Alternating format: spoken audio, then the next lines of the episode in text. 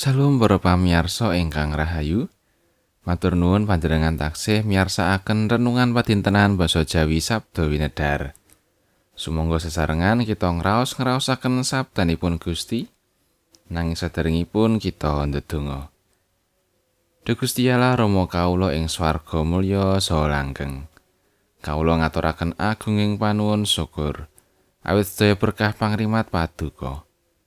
Sakmenika Duh Gusti manah kawula sampun sumadyo badhe nampi sabda paduka. Mugi Roh Suci paring pepadang ing manah kawula. Satemah kawula saged mangertosi lan ngecakaken dawuh timbalan paduka. Kathah dosa kalepatan kawula ingkang sumala ing gesang kawula. Mugi Gusti kersa paring pangaksami. Wonten ing asmanipun Gusti Yesus Kristus kawula ndedonga lan saos syukur. Amin.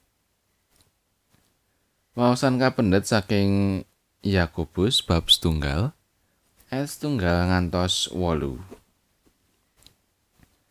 Salam saka Yakobus abdine Gusti Allah sarta Gusti Yesus Kristus marang taler rolas kang padha ana ing tanah monco. Hei para sedulurku anggepen sawijining kamulyan menawa kowe padha kataman ing panyuba warna-warna. Jalaran kowe padha sumurup menawa pendadaran tumrap pracaya iku nuhake sabar mantep. Sarta sabar mantep iku kareben metokake woh kang sampurno. Supaya kowe dadi sampurno lan mulus sarta ora kekurangan sawiji apa. Dene menawa panunggalanmu ana kang kekurangan kawicaksanan, iku nyuwuna marang Gusti Allah. Kang maringi marang sakabehing wong kanthi ikhlas, ora kanthi ngunda-tundat sarta bab iku bakal kaparingake marang dheweke. Mung wae panyuwune iku kang kanthi pracaya sarta aja nganggo mangu-mangu. Jalaran wong kang mangu-mangu iku padha wae karo ombaking segara. Kang katempuh ing angin mawalian mrana mrene. Wong kang mangkono iku aja duwe pangira menawa bakal oleh apa-apa saka pangeran. Jalaran wong kang atine mangro ora bakal tentrem uripe. Mangatan pangandikanipun Gusti ayat nah saking ayat 3 lan sekawan. Jelaran kowe padha sumurup menawa pendadaran tumrap pracaya iku nuwuhake sabar mantep. Sarta sabar mantep iku kareben metokake woh kang sampurno supaya kowe dadi sampurno lan mulus sarta ora kekurangan sawiji apa. Wonten setunggaling pitakenan ingkang asring tuwuh ing gesangipun para pitados. Kenging menapa tiang mursid menika malah asring nandang sangsara tinimbang tiang duraka?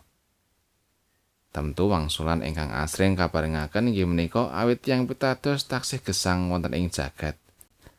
Ananging benten kalian pangandikanipun Gusti ing Yakobus tunggal ayat tunggal ngantos wolu. Wonten ing ngriku dipunterangaken bilih kita kedah ningali panandang kanthi kaca tinggal imanipun. Maksudipun tiang pitados kabrek supados saged ngginakaken panandang. Pacoban ingkang nembe dipun tampi menika dados sarana piyambakipun sang saya rumakat dumateng Gusti. Ingkang langkung wigati lumantar kawontenan ing inggil saged ndadosaken kapitadosanipun dumateng Gusti sang saya kiat. Wonten ing serat menika Yakobus paring piterang bilih pacoban menika pernikalih. Pacoban ingkang saking jawining diri kita lan pacoban wonten ing diri kita piyambak. Nalika pasawan nembe kataman ing pacoban menika Yakobus paring wiucal supados saged nggadahi pamawas ingkang wicaksana. Tegesipun bilih pacoban menika tansah wonten ing gesangipun manungsa. Ingkang tasih gesang ing jagat. Nalika nembe nampeni pacoben pasamuan kabaret, supados nggadahi pamawas bilih pacoben menika saged dados sarana kangge ndadar diri kita supados sang saya diwasa. Ing gesang kita saben dinten ugi mekaten.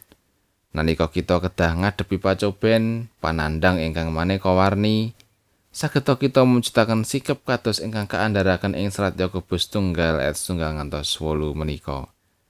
Sepisan nggadahi pamawas pilih pacoben ingkang wonten ing gesang kita menika dados sarana ndadar diri kita sang saya diwasa ing iman. Kaping kalih tansah pitados kanthi tumomen dumateng Gusti Yesus. Ing pundi panjenenganipun tansah nyagetaken kita nglampahi proses ing gesang kita. Satemah kita saged ngraosaken tentrem rahayu sinaosa nembe ngadepi panandang lan pacoben. Amin.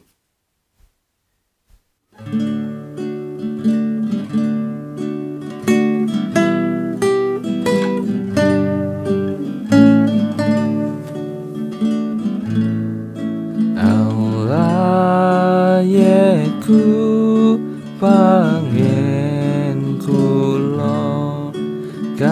kangkung setresnanya